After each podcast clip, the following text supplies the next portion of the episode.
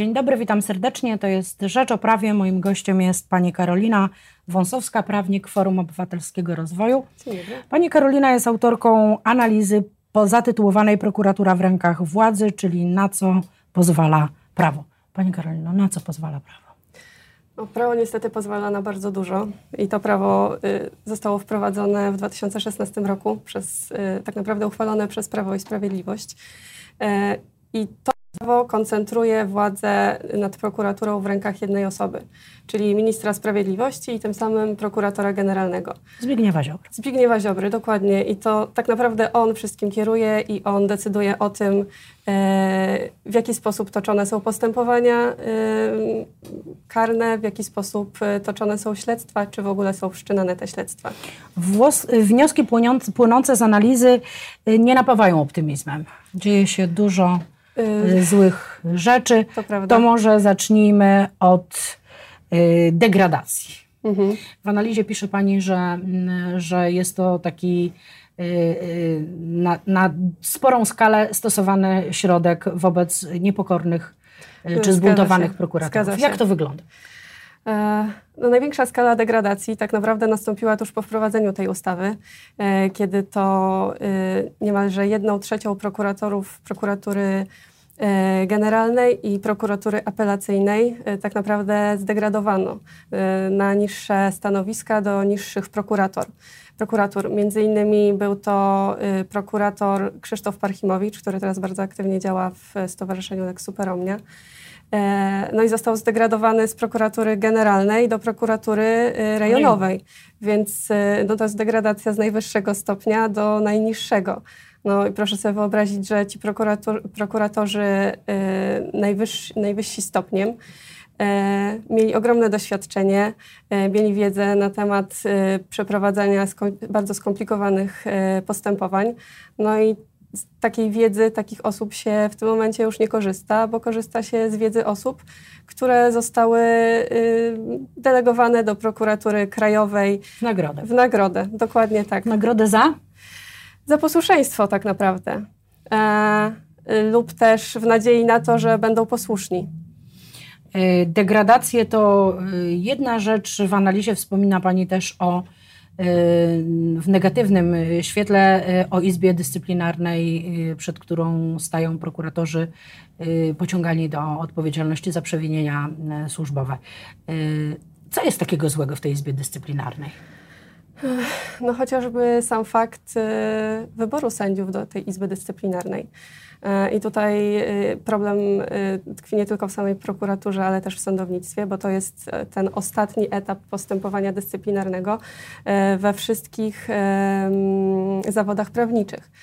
E, No i sędziowie do Izby Dyscyplinarnej zostali powołani przez prezydenta, e, ale zaopiniowani przez nową Krajową Radę Sądownictwa, a nowa Krajowa Rada Sądownictwa została e, w niemalże 90% e, wybrana przez polityków.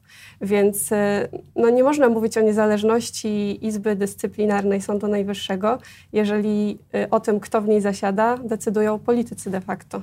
A przyglądacie się też Państwo, czy Panie, przygotowując tę analizę, jak się kończą takie postępowania mm, dyscyplinarne przed tą Izbą? E, takich zakończonych postępowań dyscyplinarnych e, było już kilka, na przykład postępowanie w sprawie e, prokurator Beaty Mik, prokurator w stanie spoczynku. E, No i tutaj dla pani prokurator zakończyło się akurat sukcesem, ale jakby cała droga do tego postępowania przed Izbą Dyscyplinarną była bardzo długa, no i tak naprawdę niesłuszna, no bo pani prokurator Mik pisała tak naprawdę felietony do prasy, i za to y, została, y, otrzymała dyscyplinarkę. A jakieś inne wyroki przychodzą Pani do głowy? Pamięta Pani?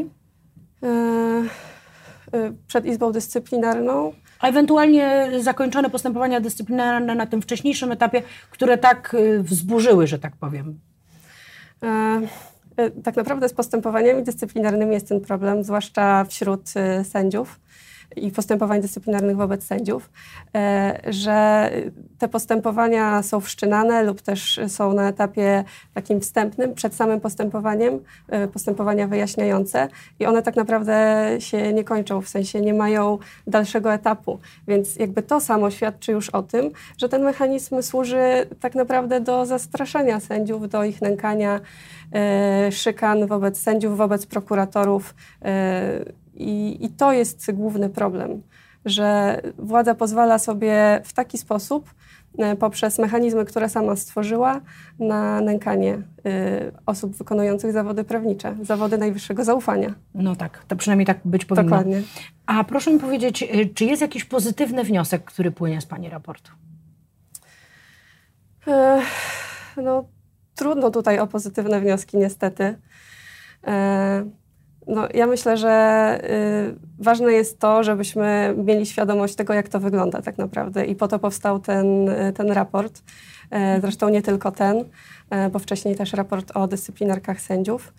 E, I musimy mieć tego świadomość, jak to wygląda i mówić o tym głośno. I y, ja myślę, że, że takie działania są w stanie coś zmienić, chociaż zobaczymy tak naprawdę. No właśnie. Czy jest coś, co można by było poprawić na już? E, poprawić na już, e, no tak naprawdę trzeba by było przeorganizować e, cały system i w prokuraturze, i postępowań dyscyplinarnych wobec sędziów. No jeśli chodzi o samą prokuraturę, no to problemem jest to, tak jak powiedziałam, że władza jest skupiona w rękach jednej osoby i to myślę, że to należałoby zmienić. Więc tak naprawdę prokurator generalny nie może mieć aż takiego wpływu na postępowania y, w prokuraturze.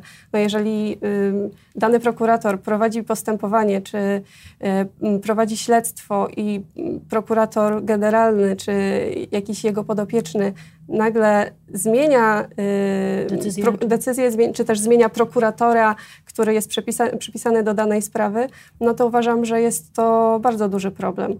No, taka sytuacja była na przykład w w sprawie Orlenu i prezesa Orlenu, który, e, y, który był podejrzany o działanie na szkodę spółki.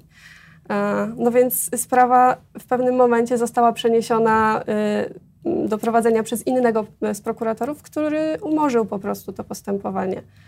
Tak samo sprawa stłuczki Beaty Szydło.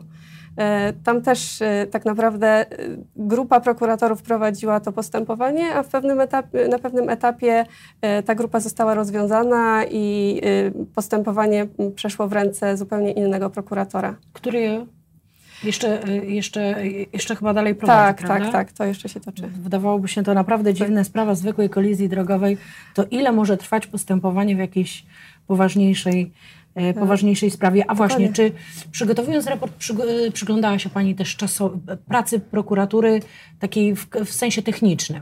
Czy, te, czy tych spraw jest więcej, czy te postępowania się wydłużyły od tego 2016 roku, czyli od zmiany zasad działania prokuratury? Mhm.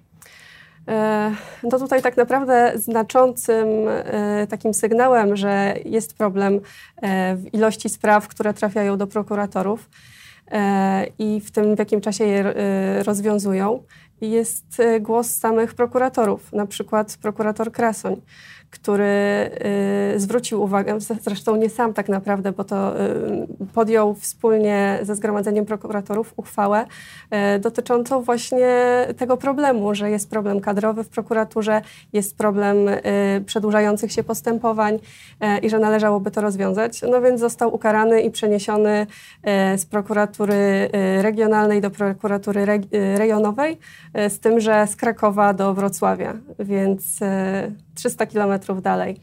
Jak się nie da tylko z góry dół, to jeszcze można rozciągnąć tak, na boki. Tak, dokładnie. I problem, problem występuje, problem jest. E, e, wiem, że jest to problem też kadrowy, dlatego że delegowani są do, na wyższe stanowiska, do wyższych e, prokuratur prokuratorzy z prokuratury rejonowej, czyli ci tacy z najmniejszym stażem, na których tak naprawdę najłatwiej wpłynąć i myślę, że to trochę o to chodzi.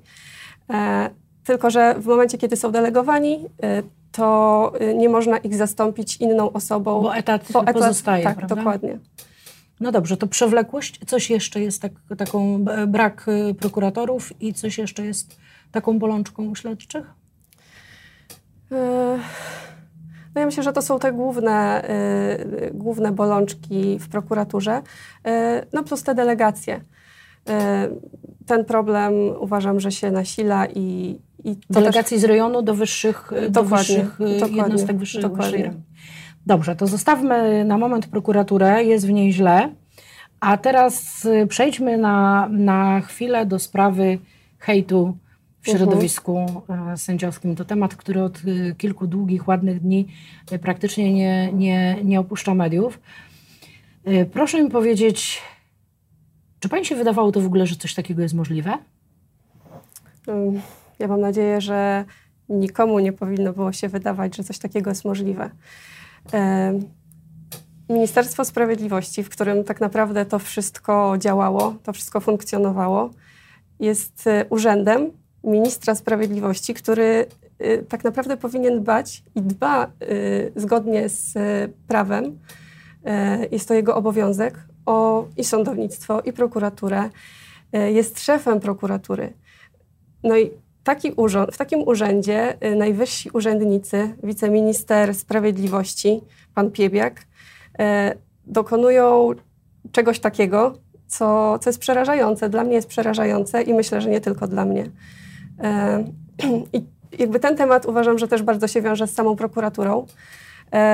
No bo teraz, skoro szefem prokuratury jest minister sprawiedliwości, no to w jaki sposób minister sprawiedliwości sam może prowadzić śledztwo w stosunku do samego siebie?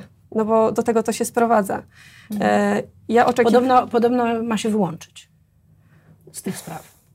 Ja myślę, że bardziej racjonalnym postulatem, który, o którym mówi też Komitet Obrony Sprawiedliwości KOS, jest to, żeby po prostu, ten, żeby po prostu minister został zdymisjonowany. E, no bo ja sobie nie wyobrażam takiej sytuacji, że y, szef prokuratury Y, może ingerować w śledztwo y, no, dotyczące samego... własnej sprawie. Tak Dokładnie, no tak to nie powinno wyglądać. Dobrze, a proszę mi powiedzieć, nie wyobrażała sobie Pani, wielu z nas sobie nie wyobrażało, że coś takiego może się stać. A proszę mi powiedzieć, bo y, oczywiście ci, którzy są pomawiani o, o, o tą całą aferę, y, twierdzą, że są niewinni, no i że zostali pomówieni z różnych, ale niecnych pobudek i mhm. straszą pozwami, zapowiadają pozwy i że będą dochodzić będą bronić swoich dóbr osobistych, honoru i, i czy pani się wydaje, że takie dowody w takiej sprawie, bo widzieliśmy wszyscy skany, mhm. screeny mhm. tych, tych y, rozmów, czy y, można je podrobić? No ja myślę, że w, w dobie y, takich technologii, jakie są teraz, pewnie tak, ale od tego jest właśnie prokuratura, od tego są organy ścigania, żeby zweryfikować i sprawdzić, e, czy te dowody są prawdziwe. No, myślę, że afery na taką skalę, no, nie wiem, kto mógł, musiałby mieć w tym interes, żeby, e, żeby to w taki sposób opracować i, i sfałszować te dowody e, na, e, na te osoby, które właśnie, o których Pani właśnie mówiła. A jak Pani tak słucha tych rozmów, y, czyta, jak to wyglądało, to, mm, to wydaje się pani, że wydawało się pani wcześniej, zanim, zanim to wyszło na jaw, że mhm. jest aż taka wojna w środowisku sędziowskim? Bo wiedzieliśmy, że są konflikty. Byli sędziowie przychylni władzy i e, mhm. przeciw władzy, za reformami, przeciw reformom. Sędziowie chcieli innych reform, takich, które ułatwią im życie i pracę. E, jakby władza zaczęła od spraw kadrowych te swoje reformy. I teraz i wprawdzie później pojawiły się też nowe nowelizacje mm. procedury karnej i cywilnej, tak. ale y, czy wyobrażała sobie Pani, że ta wojna jest na takim, na takim poziomie aż? Y, nie wyobrażałam sobie i tak naprawdę y, zawód sędziego to jest zawód zaufania publicznego. Tak jak już powiedziałam, sędziowie powinni się kierować zasadami najwyższej etyki zawodowej. No i jeżeli sędziowie, mm, jeżeli sędziowie sami angażują się w taki proceder, jeżeli sędziowie sami tak, napra- tak naprawdę podsyłają czy podsuwają y, informacje na temat swoich kolegów, bardzo y, negatywne, wręcz szkalujące Prywatne. informacje. Dokładnie. Dotyczące prywatnego życia. Dokładnie. Y, no to jest, uważam, że jest to złamanie zasad etyki sędziowskiej. A myśli Pani, że pomógłby ten kodeks, o którym minister e, Zbigniew Ziobro mówi, że, że trzeba napisać kodeks dla sędziów, e, który ureguluje ich postępowanie w mediach społecznościowych? E, Czy to by coś poprawiło, czy nie? Czy on w ogóle jest potrzebny, taki kodeks? No, z tym kodeksem jest taki problem, że do stworzenia kodeksu minister Ziobro powołał w ogóle grupę, na której czele stał y, wiceminister sprawiedliwości Łukasz Piebiak, więc y, rozumiem, że wiceminister Piebiak chciał stworzyć kodeks, który by pasował do jego zasad postępowania. No, Teraz kodeks ma napisać Krajowa Rada Sądownictwa. y, jak dobrze wiemy z doniesień medialnych, e, w tą sprawę są zaangażowane również e, osoby, czy też sędziowie e, działający w Krajowej Radzie Sądownictwa. Więc jakby nie uważam, że, że jest to dobry kierunek. Uważam, że należałoby zacząć od, od podstaw i od zmiany tego, co e, tych szkodliwych zmian tak naprawdę, które zostały wprowadzone.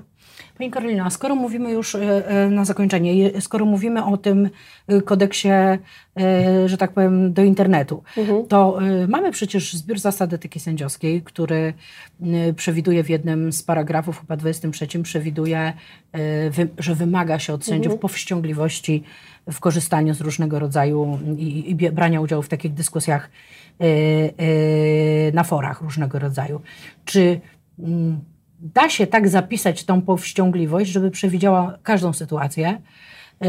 I, i, czy to w ogóle jest potrzebne? Czy, czy człowiek, który jest sędzią i ma już poza warunkami merytorycznymi, spełnia również kryterium nieskazitelnego charakteru, czy takiemu człowiekowi trzeba też pisać wprost, yy, co on może, a czego nie może w tych mediach? No ja uważam, że nie trzeba, to po pierwsze. Po drugie, y, tak jak pani powiedziała, nie da się tak naprawdę spisać wszystkich przykładów e, postępowania, y, zgodnie z którymi miałby postępować sędzia.